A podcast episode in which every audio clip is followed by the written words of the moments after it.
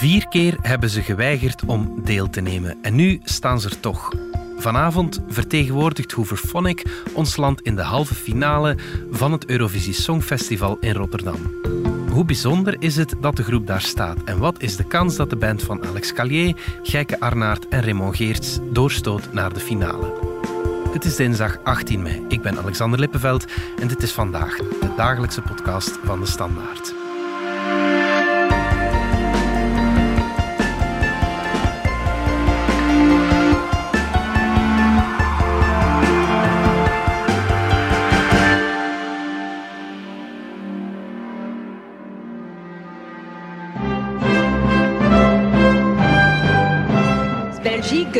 Points. Belgium, 12 points. Belgium 12 points. 12 punten La Belgique Belgien. 12 points. Et les 12 points, 12 points pour la Belgique. La Belgique 12 points. Belgium La Belgique 12 points.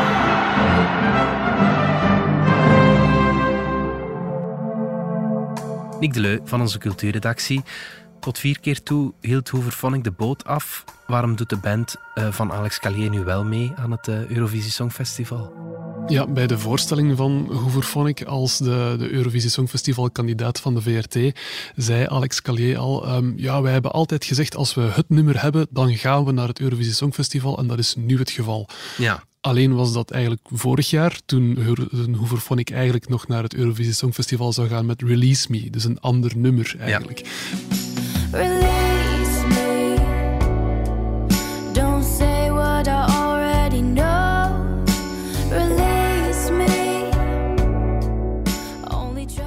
nog met die andere zangeres. Dat met, was eh, nog met de vorige zangeres, met Luca Kruisbergs. Ja, Het is wel overvonic en daarmee wouden we gaan.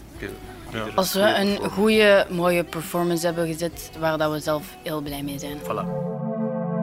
Nu gaan ze naar het eh, Eurovisie Songfestival met The Wrong Place, een nummer dat gezongen wordt door Geike Arnaert. Ik weet ook niet hoeveel Phonic-fans of, dat ze- of dat, dat ook Eurosong-fans zijn. Ja. Ehm, we kunnen dus alleen maar ervan uitgaan dat eh, eh, Alex Callier nogmaals het gevoel heeft dat hij echt het nummer heeft en Wat dat het nu dus het moment is om te gaan, inderdaad. Lightning never strikes twice, maar dus...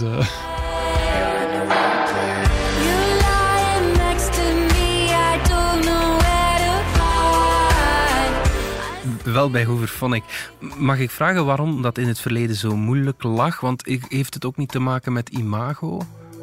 Het Songfestival worstelt al, al heel lang met zijn, eh, zijn imago natuurlijk. hè. Het is eh, Bart Peters in de tijd van, eh, van de Eurosong preselecties op de nationale televisie noemde het altijd de belangrijkste bijzaak ter wereld, Ja. denk ik. Soms voelde het ook wel een beetje als een bijzaak. Hè. Je zat dan te kijken naar een wedstrijd en dan zag je op een bepaald moment Ierland een zingende kalkoen insturen. Ja. Ehm, dan weet je, het gaat nu niet echt meer om de liedjes. Nee, Ehm, inderdaad. Ja.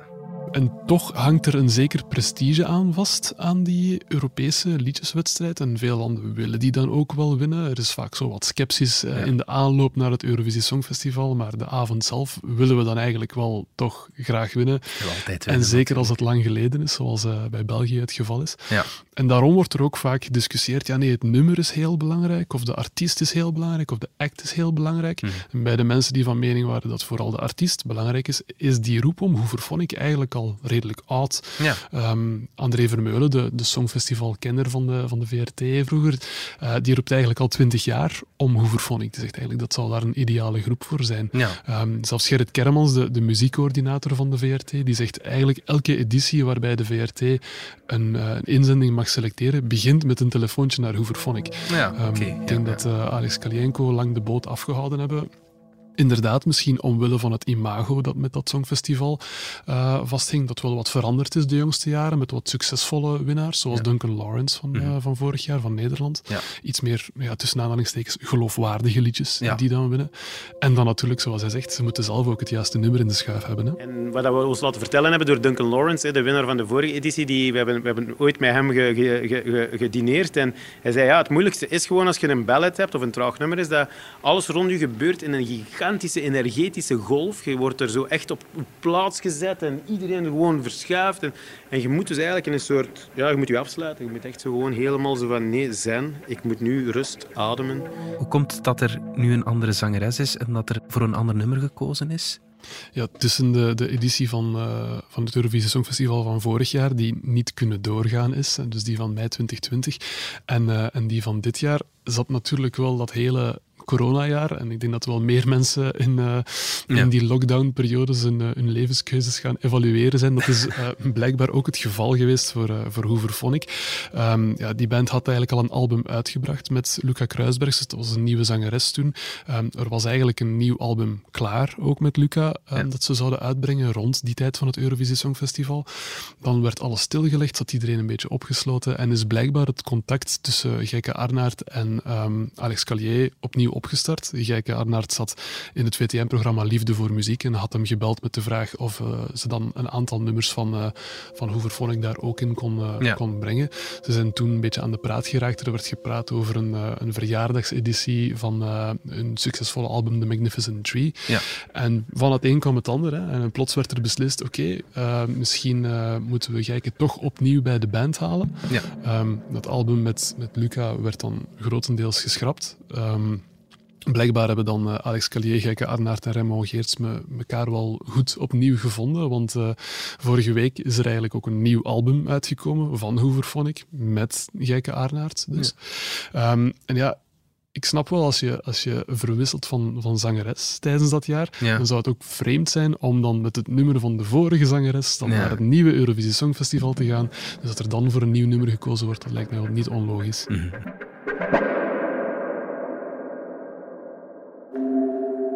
Je zei al dat Hooverphonic voor de VRT de ideale Eurovisie Songkandidaat is, maar hoort zo'n band eigenlijk wel thuis op dat festival? Er zijn al sinds mensen die vinden van wel. Hè. Ik ben eens gaan kijken in het, uh, in het krantenarchief en uh, Marcel van Tilt, die ook in een aantal Eurosong-juries gezeten heeft, die, die zegt blijkbaar al sinds 2004, Hooverphonic, die zouden we eens moeten sturen.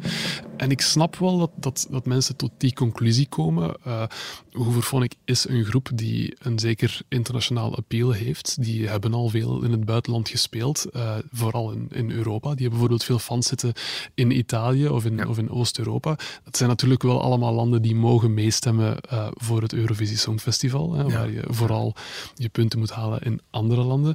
En bovendien is ook de, de muziek die, uh, die Hooverphonic maakt, dat is ook muziek die, die een zeker crossover gehalte heeft. Als je bijvoorbeeld kijkt naar op welke radiozenders worden hun liedjes gedraaid in Vlaanderen, Ja. ja, het antwoord is op alle radiozenders. Ja. En er zijn niet zo heel erg veel groepen die dat kunnen zeggen.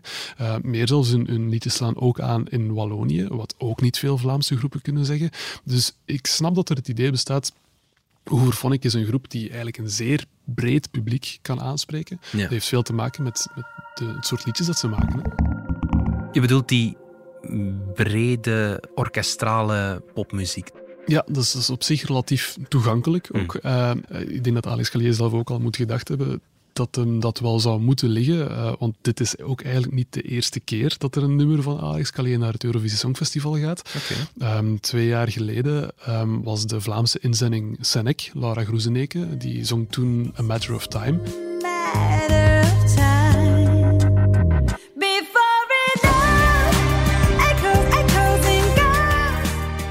nummer was geschreven door Senek samen met Alex Callier. Oké, ja. En je hoorde dat ook wel in dat nummer. Dat is, dat is uh, een nummer dat we zouden omschrijven als een zeer typisch Hooverphonic nummer met heel veel uh, zwierige strijkers. Een beetje, een beetje Mad About You-achtig klonk dat toen. Ja. Um, dat was toen wel geen al te groot succes, Nee. uh, moeten we zeggen. Uh, Senek is gestrand in de halve finale. Zij is daar twaalfde geworden. En enkel de eerste tien van die halve finale gingen door naar, um, naar de grote finale Ja. van het Eurovisie Songfestival. Dus ja, misschien wat, wat Callier eens checken. Lukt het mij wel als ik zelf gewoon mee op het podium sta? Hoe anders is The Wrong Place eigenlijk tegenover de oorspronkelijke inzending van Hooverphonic, Release Me? Is de band van strategie veranderd? Ja, ik denk dat Release Me nog een, uh, een stukje trager was dan, uh, dan The Wrong Place. Ook het verhaal dat, daar, uh, dat daarachter zat was relatief tragisch. Het ging uh, over het overlijden van, van de vader van, van Alex Callier. Oké. Um, dus het was wel een nummer waar, waar behoorlijk wat gewicht aan hing.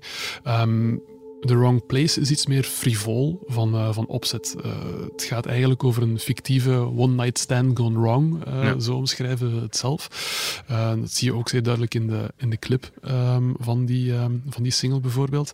Um, maar toch de kritiek die, die Release Me in het begin kreeg, namelijk dat het nogal traag was en dat het niet eh, direct een, een instant indruk maakte, wat vaak wel belangrijk is voor popliedjes, die blijft wel een beetje overeind, ook bij dit nummer. Het, Ja. eh, het kabbelt een klein beetje. Ja. Eh, wat er wel leuk aan is, en dat het eigenlijk meer heeft dan, dan Release Me, denk ik, is, is zo één zinnetje helemaal op het einde van het refrein bij The Wrong Place.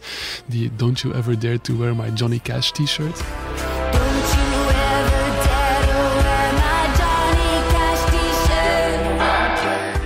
Dat is eigenlijk een, een, een zeer vreemde zin. Die staat daar zo plots. Die krijgt ook heel veel nadruk in de, in de structuur van die song. Ja. En blijkbaar is die, die hele song ook helemaal rond die zin geschreven. Ah ja. En ik snap dat wel, eh, vaak bij, bij popmuziek, zeker bij popmuziek die instant moet blijven hangen. Ik denk bijvoorbeeld aan liedjes die het goed doen op TikTok. Ja. Ehm, ja, is zo één heel her- herkenbaar zinnetje, is dat wel zeer belangrijk. Dus dat kan wel een, een weerhaak zijn waar de mensen die naar het Eurovisie Songfestival kijken en op één avond eh, meer dan twintig liedjes zien passeren, wel denken, ah ja, dat, dat liedje met die Johnny Cash t-shirt. Ja, dan stan je daar misschien wel eh, eerder op. Ja, ja, Je staat natuurlijk altijd op iets dat je onthouden hebt. Hè. Het ergste dat je kan overkomen op, eh, op het Songfestival is dat niemand ook maar iets van je nummer onthoudt. Mhm. Dan kunnen ze ook niet op jou stemmen.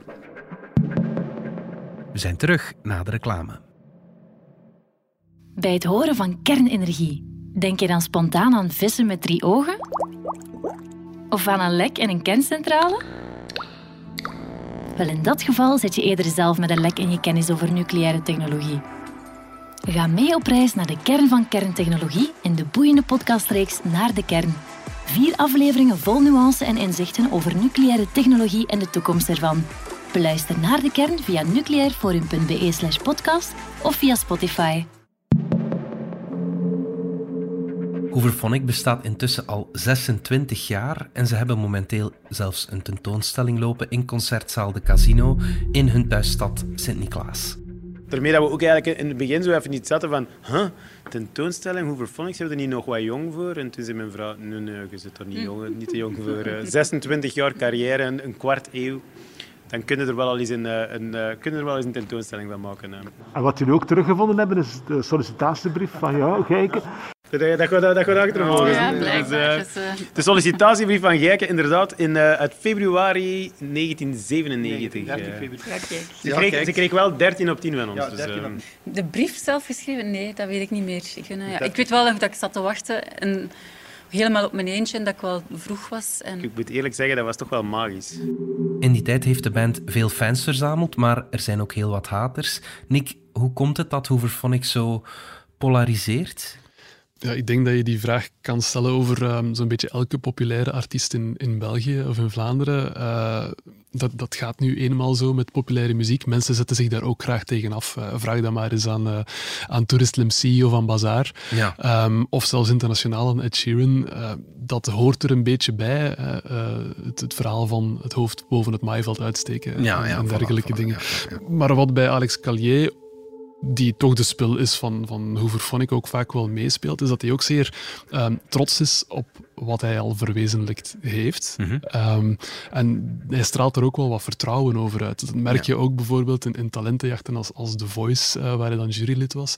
Ehm, bij sommige mensen, ja, roept eh, een dergelijk zelfvertrouwen bij een Vlaming altijd wel enige aversie op. Ja, ja, Eh, ja, je ja, kan ja. er dan over De discussiëren. Vlaming of dat, houdt van de underdog en, en Voilà. dat is Callier niet. ik denk dat dat ook eh, deel van de reden is waarom er zoveel, eh, zoveel appreciatie is voor Gijke Arnaert. Hè. Eh, een zeer eh, introverte persoonlijkheid, zeer bescheiden persoonlijkheid. En, en, en zij wordt dan net gezien als de ultieme zangeres voor die, voor die groep. Terwijl Alex eh, een- soms een zeer eigenzinnige houding erop nagaat. Hè. Vorig jaar in, in mei, toen het Songfestival afgelast werd, ehm, dan werd er bijvoorbeeld het, idee gelanceerd om alle ehm, 41 Songfestivalkandidaten samen te laten zingen in een medley van, van Love Shine a Light, het nummer van Katrina and the Waves.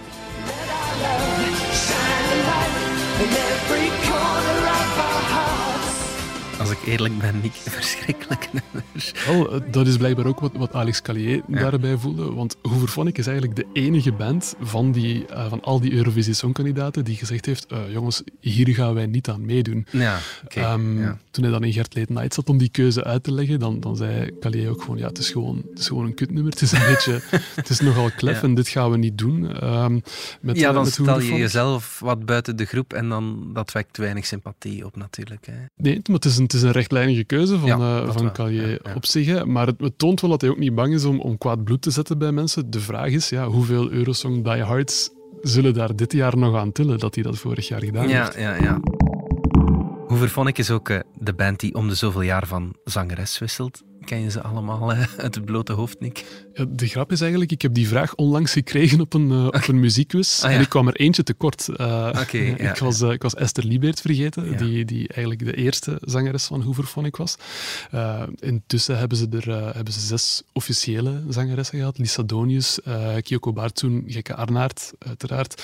Noemi Wolfs en dan de meest recente, voordat Gekke terugkwam, was Luca Kruisbergs. Ja, en dan zijn er dan nog eens drie tussen geweest die als gastzangers optraden. Dus met andere woorden, het zijn er heel veel. Hè? Het zijn er heel veel, ja, Ken je inderdaad. Ehm, ik denk dat eh, Nina Sampermans, die ook eh, liedjes schrijft, eh, dat die ook een tijdje meegetoerd heeft met, met Hooverphonic toen. En Kimberly Dont, als ik mij niet vergis, maar die ben je wel heel hard aan het Ja, testen. en Pieter Persman. En Pieter Persman is dan de, De enige man, ja, ja, inderdaad. Maar dat was eigenlijk als, als deel van de tourband rond ehm, In Wonderland. Dat Ja. was eigenlijk de enige plaat die Hooverphonic opgenomen heeft zonder dat, eh, dat centrale punt, die vrouwenstem waar alles rond draait. Ja. Daar kwam nou wel een hitje uit met Badaboom. Mhm.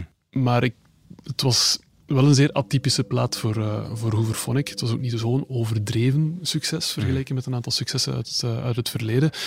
En ja, die, die band draait eigenlijk een beetje op die dynamiek tussen die, ehm, die vrouwenstem. Die wordt er vaak ook op geselecteerd dat die nogal, nogal dromerig en mysterieus is. Ehm, en het contrast van, van die vrouwenstem met dan die, die arrangementen van, ehm, van Alex Callier daar rond, dat is eigenlijk een beetje het DNA van, eh van Hooverphonic.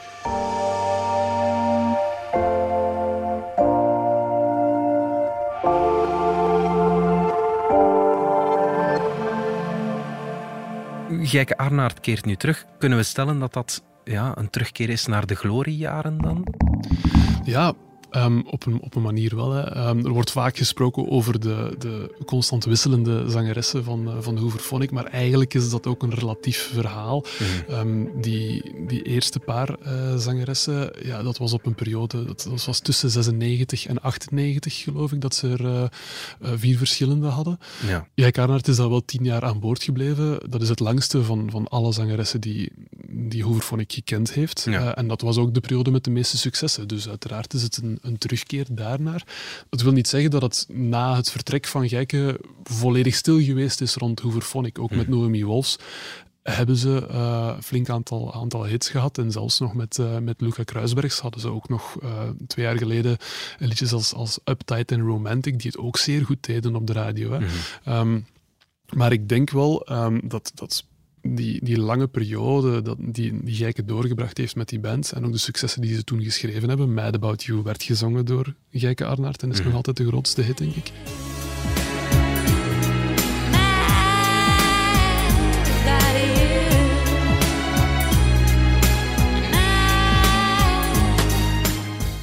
Dat dat wel onthaald wordt als, een, als van een, een, de juiste comeback, eigenlijk. Ja, ja. Um, dat zit ook bijvoorbeeld in de, in de Belpop-aflevering die ooit gemaakt is over, over Hooverphonic.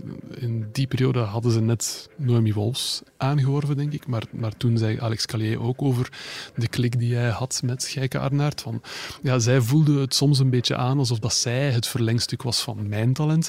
Maar wat zij nooit begrepen heeft, is dat zonder haar mijn talent niets is. Um, ja, dat was een zeer ja. mooie uitspraak toen van, Absoluut, van Alex Callier. Maar ik denk dat dat voor veel mensen ook wel zo aanvoelt. Het is, ja. Uh, ja, zijn eigen zangtalent is... is uh, eerder beperkt. Ja. Eerder beperkt, maar uh, Gijke Arnaert slaagt er perfect in om wat hij in die nummers probeert te steken wel te veruitwendigen. En dat is een klik waar je altijd naar op zoek bent als band, denk ik.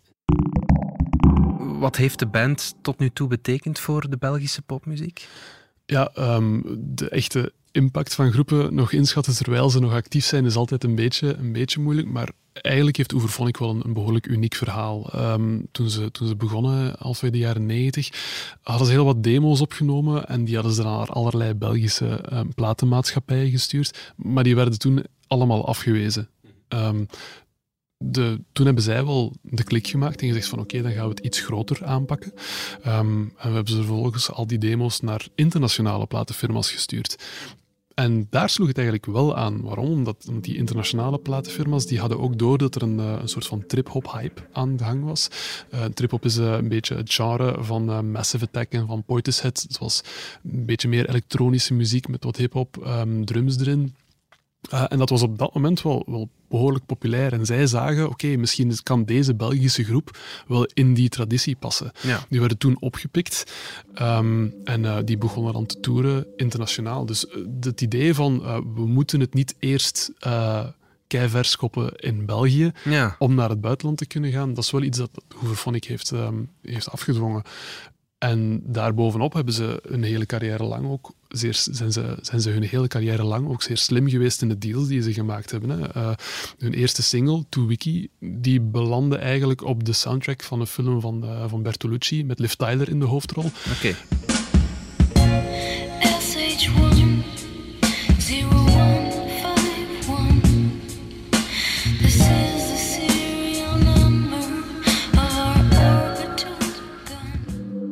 En dat heeft die song wel onder de aandacht gebracht van heel veel mensen die anders niet noodzakelijk uh, gingen zoeken in platenbakken naar, uh, naar Hooverphonic. Later hebben ze dat ook nog herhaald. Uh, recla bepaalde reclamedeals die ze gedaan hebben in Italië of in Frankrijk, die hebben die, die liedjes die ze maakten ook daar onder de aandacht gebracht.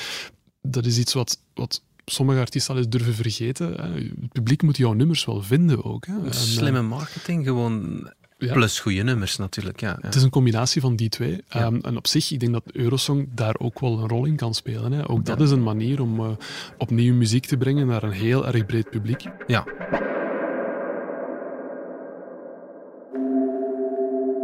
Laat ons daar nog even naar kijken wat er vanavond te gebeuren staat. De act is heel belangrijk op het Eurovisie Songfestival.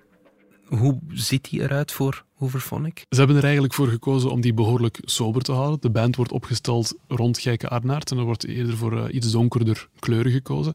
Um, maar er is wel goed nagedacht over de, de, omkadering die erachter zit. Ze hebben er een stylist bij gehaald, Tom Erebaat, mm-hmm. um, die internationaal behoorlijk wat ervaring heeft. Die werd als stylist onder andere voor, uh, voor Lady Gaga, heeft in het verleden okay. ook voor, um, voor Kylie Minogue gewerkt. Hij heeft dan uh, de jurk ontworpen voor, um, voor Geike Arnaert. Altijd een belangrijk onderwerp op het Eurovisie Songfestival. Ik ja. denk dat er nog steeds de Barbara Dex Award wordt uitgereikt ja, voor uh, de slechtste, slechtste jurk. jurk juist, ja. ja. Ik denk niet dat we hem dit jaar zullen winnen, dus dat is alvast een, een, een ja. goede zaak. Uh, maar ook voor de regie werd er, werd er in zee gegaan met, met Hans Pannenkoeken en Injas Dazen. Um, die kennen Hooverphonic, die hebben in het verleden al shows met hen uh, georganiseerd. Maar het zijn ook de art directors die Duncan Lawrence, dus de Nederlandse kandidaat in 2019, mee aan de overwinning hebben geholpen. Ja. Dus de omkadering zit, zit wel goed. Uh, maar op zich blijft het natuurlijk wel een beetje... Je zit daar dan met een zangeres omgeven door een liveband, maar de grap is die liveband mag niet live spelen op het Eurovisie Songfestival, waar Yes. alle instrumenten om, op tape moeten staan.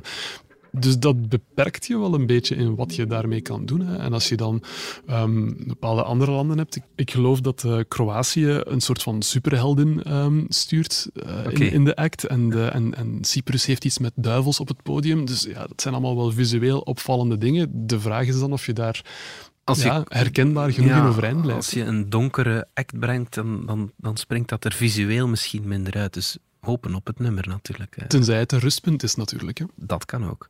Hoe zijn de reacties tot nu toe? In België kunnen we denk ik zeggen dat The Wrong Place geen echte hit geworden is. Het nummer heeft één week in de, in de top 10 van de Ultratop gestaan en is daar sindsdien een beetje uit weggezakt. Maar goed, eh, de Belgen mogen tijdens het Eurovisie Songfestival toch niet stemmen voor onze eigen inzending, dus eigenlijk is dat naast de kwestie. Het is wel zo, als je naar het bredere deelnemersveld luistert, dat, ehm, dat het nummer van Hooverphonic wel atypisch is in dat deelnemersveld. Er zit heel veel ehm, ja, grote, knallende popnummers in, met een harde baslijn onder bijvoorbeeld. Dat is The Wrong Place niet bepaald, dus misschien valt het daardoor wel op. Ehm, anderzijds zitten er ook wel weer een paar leuke, uh, ja, echte popliedjes tussen. Hè. Ik moest bijvoorbeeld uh, lachen met, uh, met de discotheek van de, van de Litouwers, mm -hmm. van de Roop was dat. Let's discotheque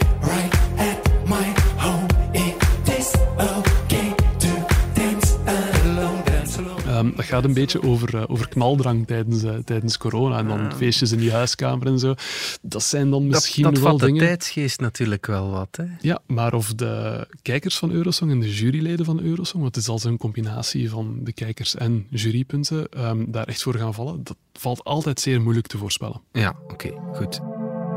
Hooverphonic heeft een internationale fanbase kunnen uitbouwen. Dat zei je al. Kan dat hen helpen om ver te geraken in de wedstrijd? Ik denk dat dat altijd wel een, een voordeel kan zijn.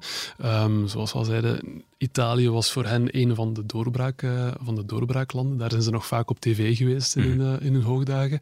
En niet vergeten dat de laatste show van, van Geike Arnaert met Hooverphonic was eigenlijk in, uh, in in Rusland. Toch ook een plaats waar al niet veel Belgische bands geweest zijn. En de Russen mogen uiteraard ook meestemmen tijdens het Eurovisie Songfestival. De enige ja. vraag daarbij is of de mensen die in die periode aanwezig waren op de concerten van Hooverphonic, of dat dat ook de mensen zijn die vanavond voor een televisie zullen zitten. Ja. Hm. Hoe ver reikt de ambitie van de band en vooral van Alex Gallier dan? Ja, bij de eerste voorstelling van, uh, van Hooverphonic zei um, dat ja, als je mij vraagt of ik wil winnen, dan zeg ik nee, ik wil gewoon de beste performance brengen met de beste song. Ja. Um, dus dan haalt hij de angel er al meteen een beetje uit. Um, maar ik denk dat hij daar ook geen ongelijk bij heeft. het Songfestival is en blijft moeilijk om in te schatten. Hè. We moeten er rekening mee houden dat dit een liedjeswedstrijd is die in het verleden al gewonnen is door een band van als monsters verklede Finnen met, uh, ja. met Lordi. Ik denk dat onze, onze meest recente um, tweede plaats die we behaalden, dat het was met Sanomi van Urban Dread. Dat was een liedje in een verzonnen taal. Wie had dat kunnen verwachten? Ja, inderdaad. En tussendoor wonnen er ook gewoon veel popsongs. Hè?